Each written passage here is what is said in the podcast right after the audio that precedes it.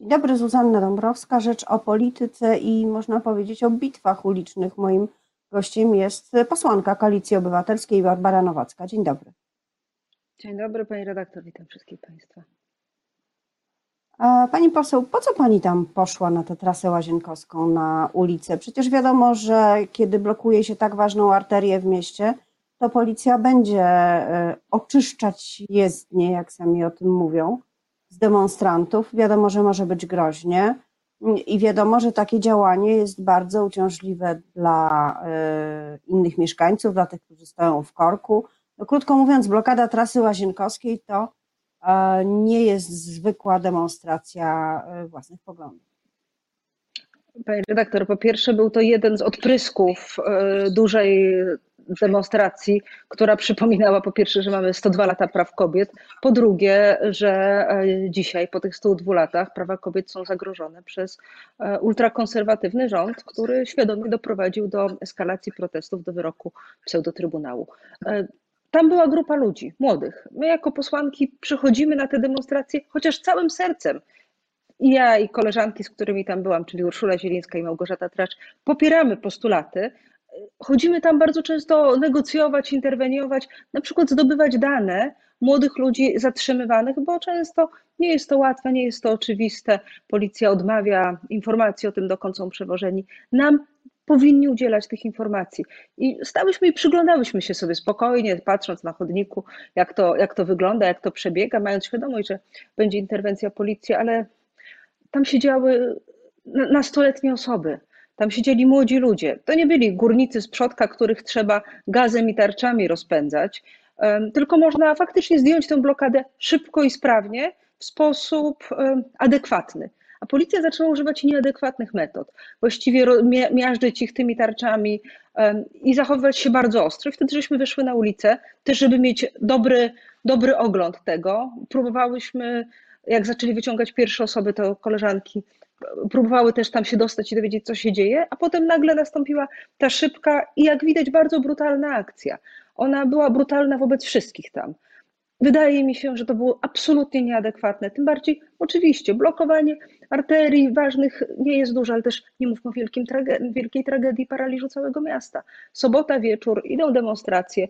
Policja notabene blokuje je co i rusz. Zamiast dać przejść demonstrantom, urządza kotły i blokady. jeżeli był paraliż miasta, to trzeba zapytać, kto w mieście za to odpowiada. Czy nie przypadkiem jest tak, że odpowiadają za to policjanci, którzy robili kordony policji i trzymali ludzi w kotłach na głównych arteriach? Chciałam jeszcze wrócić do tej sytuacji na trasie łazienkowskiej. E, jakie to są metody adekwatne, które można zastosować wobec osób, które siedzą na jezdni, E, trzymają się mocno. Jak pani uważa, jak to powinno przebiegać? Pani redaktor, ja, ja nie jestem policjantką, natomiast pamiętam, kiedy pielęgniarki e, blokowały ulice wtedy policja przy licznych swoich protestach, mówiła o protestach e, na początku wieku, gdzie protestowały zresztą wielokrotnie o nadal niezrealizowane rzeczy, czyli godne zarobki, były po prostu znoszone. Kilka osób znosi taką blokadę też nie ma potrzeby używania gazu. Policja potraktowała tę grupę tak, jakby to były e, oddziały wyszkolonych do bitwy kibiców. Po prostu. To nie jest adekwatne. Jeżeli chcieli, ale, ale tak to się dzieje. Ja oglądałam teraz film z Bydgoszczy, z interwencji e, policji w czasie protestów i mówiąc szczerze, e, tam poszło polecenie brutalizacji, ostrości, takiego trochę nękania protestujących, zabieranie i przeszukiwanie telefonów, spisywanie po demonstracji za, uwaga, uwaga, siedzenie niewłaściwe. E, źle się dzieje. I uważam, że jeżeli komuś zależy na spokoju w Polsce, to nie powinien eskalować konfliktu, a dzisiaj e, i policja, i nimi dowodzący, pan Kaczyński i Kamiński, eskalują konflikt. Pani poseł, czy patrzyła Pani w oczy temu policjantowi, który potraktował Panią gazem? Widziała Pani e, jego twarz? Mieliście kontakt e, taki, no na pewno emocjonalny, ale to przecież była bardzo bliska odległość. Bardzo bliska odległość, bardzo szybka akcja. Tak, widziałam. E, mówiąc szczerze, bardziej byłam zdumiona w ogóle całością takiej no właśnie siły i nieadekwatności działań. Y, ale wie pani, to nie chodzi o jednostkowego policjanta czy jednostkowy przypadek mój, bo to, bo to chodzi o całość. I ja naprawdę nie chcę rozmawiać o tym, że, że pryśnięto, że posłankę, że nie widział immunitetu. Y, dostał gaz, dostał przyzwolenie na jego użycie. I e, użył z odległości, w której nie powinno się nikogo traktować gazem. Po prostu. I bardzo się źle dzieje z wyszkoleniem polskiej policji, bardzo się też dzieje źle z dowództwem, które pozwala i toleruje na coś takiego. Bo ja jestem pomimo 45 lat osobą zdrową ale mogę sobie wyobrazić kogoś z problemami ze wzrokiem, ze słuchem, z jakimiś innymi chorobami, alergiami, kogo mogli w ten sposób bardzo poważnie uszkodzić. Wyobrażam też sobie, zresztą to wiem, że to się po prostu często dzieje, że gazem w ostatnich dniach, tygodniach dostają od policji uczestniczki, uczestnicy protestów pokojowych zupełnie. I my rozmawiamy o tym teraz, dlatego że to przydarzyło się mi. Ja jestem posłanką, wiceprzewodniczącą drugiego co do wielkości klubu parlamentarnego y, i spektakularne zdjęcia pokazują, jak wygląda ta przemoc policji. Tylko, że tych przypadków jest wiele. To jest też posłanka Biejat, która dostała gazem w twarz też e, po prostu stojąc, nikogo nie atakując, ale to są uczestniczki, uczestnicy demonstracji. Oni do mnie piszą, opowiadają, co robili, w jaki sposób się to wszystko działo. I e, ludzie, którzy dostają pałkami teleskopowymi, również w tłumie, prowokowani bardzo często przez agresywne zachowania policji. Bardzo źle się dzieje w polskiej policji, w polskich służbach od czasów nastania pana Kaczyńskiego. E, pani poseł, wczoraj policja przeprosiła e, dziennikarzy, którzy zostali pobici 11 listopada przy e, stacji metra Warszawa Stadion. Czy do pani ktoś dzwonił z przeprosinami? Skądże? Nikt nie dzwonił, pomimo szumnych zapowiedzi pana Ciarki, że się odezwie. Kolejny dzień milczenia, także ze strony pani marszałek Witek. Zdumiona jestem, bo marszałek Sejmu wydawało się, że jest marszałkiem wszystkich posłów i posłanek, e, ale rozumiem, że już teraz jasno wpisują się po stronie PiS. E, tak jak słuchałam marszałka Terleckiego, który stanął tak twardo po stronie policji, taką mam refleksję, że oni w tym PiSie dzisiaj są tam, E, gdzie jest ZOMO, gdzie stało ZOMO. To, to, to nawet nie to, kiedyś Kaczyński powiedział, że oni, że, że, że, że oni są tam, gdzie Solidarność. Nie, jesteście po prostu ZOMO w tej chwili. Tym staliście się dla obywatelek i obywateli. Oczywiście porównanie jest um, przerysowane, bo jeszcze nie doszło do takich um, konfliktów. Jeszcze um, nie wszystkich pałują i nie wszystkich gazują, ale tego jest coraz więcej. A PiS mentalnie stał się ZOMO. Co będzie dalej z werdyktem Trybunału Konstytucyjnego kierowanego przez Julię Przyłębską w sprawie aborcji, w sprawie tej trzeciej e, przesłanki? Mamy propozycję prezydenta, jest stanowisko rządu, które mówi, e, że wtedy zostanie wydrukowany werdykt, kiedy zostanie przygotowane e, uzasadnienia nieoficjalnie, jak dowiadują się media, rząd już wysłał jakieś przedłożenia, wskazówki wręcz dla Trybunału Konstytucyjnego, co ma w tym uzasadnieniu być. Co z tego wyniknie? No, z tego wynika, po pierwsze, to nie jest Trybunał, to nie jest, e, to nie jest żaden wyrok Trybunału, tylko to jest opinia grupy os osób w częściowo udających sędziów.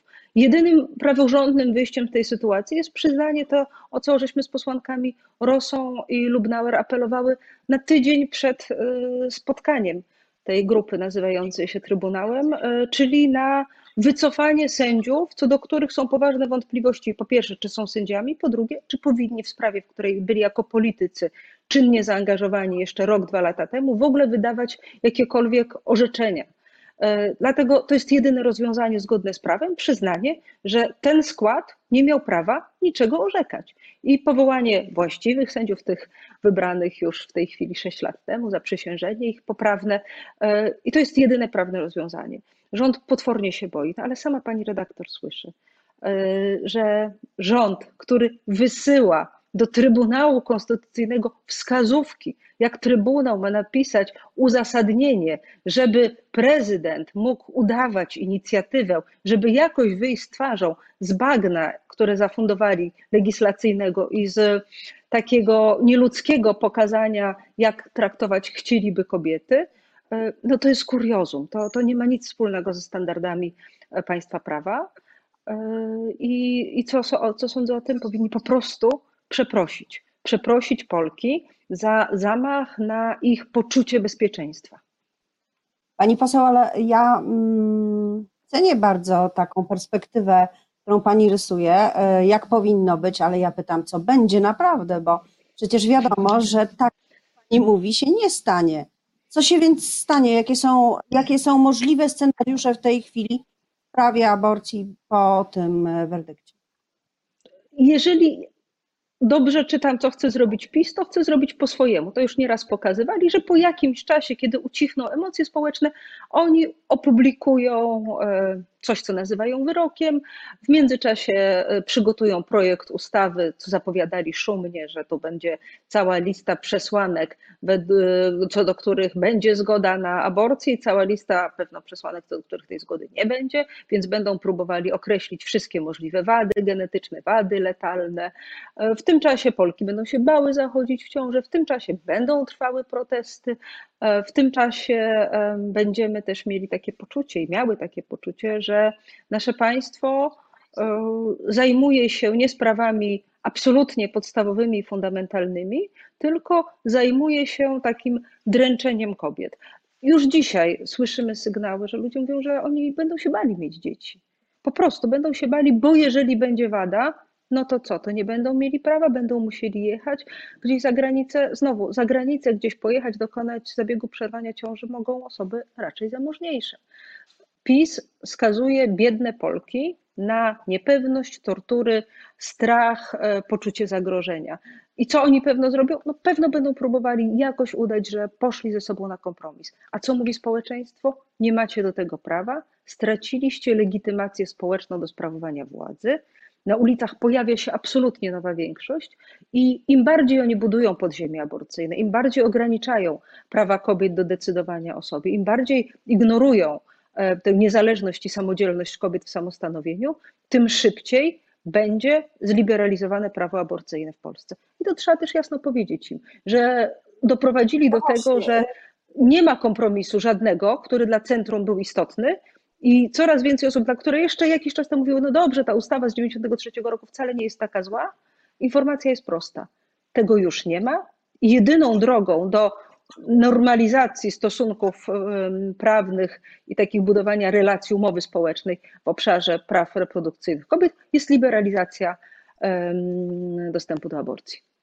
O tę liberalizację chciałam zapytać, bo powstał Komitet Inicjatywy Obywatelskiej, e, który składa się z aktywistek ogólnopolskiego strajku kobiet, ale także z posłanek e, e, lewicy czy y, pani, jako inicjatorka Komitetu Ratujmy Kobiety, który zbierał podpisy, składał inicjatywę, e, chciałaby być w takim komitecie? Będzie pani zbierała podpisy pod projektem liberalizacji? Ja czekam oczywiście na ten projekt. Jestem zwolenniczką liberalizacji przepisów i będę aktywnie razem z moją partią Inicjatywa Polska. Oczywiście decyzja zapadnie oficjalna, kiedy pojawi się projekt, natomiast będziemy absolutnie wspierać projekty liberalizujące prawo aborcyjne. Tak jak ja, tak cała inicjatywa polska. Koalicja to różne partie. Ja, ja nie, nie umiem odpowiadać za inne partie. Mogę odpowiedzieć, że e, te, które mają liberalizację w swoim programie, na pewno będą popierać, a Platformę czeka debata i trzymam kciuki za jej dobry rezultat. E, chyba czeka Platformę bardzo intensywna debata, sądząc po tym, co e, robi Grzegorz Schetyna. Niektórzy mówią, że tak jak Zbigniew Ziobro chybocze łódką Prawa i Sprawiedliwości, tak Grzegorz Schetyna stanął gdzieś koło burty i chybocze łódką Platformy Obywatelskiej. Też ma Pani takie wrażenie? Myślę, że to dialog wewnętrzny partii, może, może wolałabym, żeby odbywał się mniej medialnie, natomiast no, też w debacie uważam, że nie ma nic złego i że zastanawianie się nad różnymi możliwościami wyjścia z sytuacji patowej to nic złego. To, to nie ma w tym nic strasznego. Możemy się ze sobą zgadzać lub nie. I tak myślę, że gdzieś ten głos centrum przechodzącego w stronę liberalizacji Dobrze, że jest słyszany. On wybrzmiał parę razy w wypowiedziach chociażby posłów, posła Nitrasa jakiś czas temu w mediach, czy Rafała Trzaskowskiego, który przecież jest wiceprzewodniczącym Platformy, gdzie oni też mówią. Małgorzata Kidawa-Błońska, kolejna ważna postać Platformy, która też mówi, no nie ma już żadnego kompromisu. Poszukajmy nowej umowy społecznej, ale dążącej w stronę przyznania tego, o czym wiedzą wszystkie Europejki, że to kobieta ma prawo zdecydować, gdzie, kiedy, z kim i ile chce mieć dzieci. Na koniec e, inna kwestia. E, pobawmy się może trochę w przepowiadanie przyszłości. Co prawda Andrzejki za nami, ale spróbujmy. E, chodzi mi o weto, o groźbę weta. Jak pani ocenia, czy rząd Zjednoczonej Prawicy trochę przygotowuje się do łagodzenia stanowiska, czy wręcz przeciwnie? Stanowisko zaostrzenie, wiadomo, czy to stanowisko negocjacyjne, czy realne. Jednym, dwoma słowami, jak będzie? Marszałek Terlecki, pewno jedna z najbardziej um, przy Kaczyńskim osób, niedawno powiedział, że to weto to w ogóle trochę taki straszak e, z tym swoim swoistym wdziękiem, krytykując wszystkich innych rządzących. Natomiast no cóż, sprawia to wrażenie działania takiego, że z jednej strony oni są bardzo antyunijni, z drugiej strony nerwowo liczą pieniądze i mają świadomość, w jakim stanie jest budżet państwa. Wiedzą też, że im więcej pieniędzy, tym więcej będą mogli przynajmniej próbować zrobić to, w czym są mistrzami, czyli wyszarpnąć dla siebie. Ja patrzę chociażby na to, co się dzieje w Ministerstwie Zdrowia, na Stadion Narodowy, inne spółki Skarbu Państwa, więc nawet dla nich osobiście to jest perspektywa fruktów, więc tutaj um, świecą im się euro w oczach do tych pieniędzy. Z drugiej strony są to wewnętrzne targi e, i awantura i nieudolne prowadzenie polityki europejskiej przez e, tak naprawdę walkę wewnątrzfrakcyjną w wewnętrznych rozgrywkach Zjednoczonej Prawicy. Jeżeli partia, która nazywa się Prawo i Sprawiedliwość, uważa, że praworządność to jest coś złego, no to po raz kolejny pokazuje, jak kompletnie nazwę wybrali sobie ironiczną. Natomiast w interesie Polski jest po pierwsze, żebyśmy byli krajem praworządnym. Po drugie, żebyśmy korzystali z funduszy, które pozwolą na uratowanie gospodarki. I myślę, że na końcu hmm, Węgry ich zostawią, tak jak zwykle, a oni będą udawali, że odnieśli sukces negocjacyjny. Natomiast patrząc z perspektywy polskiej gospodarki, Fundusz Odbudowy i w ogóle nasza mocna obecność w Unii Europejskiej to są absolutne priorytety.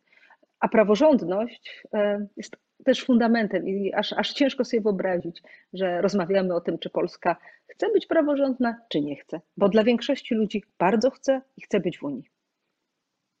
A jak będzie, to się okaże także na ulicach, o których przede wszystkim e, rozmawiałyśmy, za co bardzo dziękuję. Za całą rozmowę. Bardzo dziękuję. Moim była posłanka Koalicji Obywatelskiej Inicjatywy Polskiej Barbara Nowacka. Dziękuję bardzo, miłego dnia.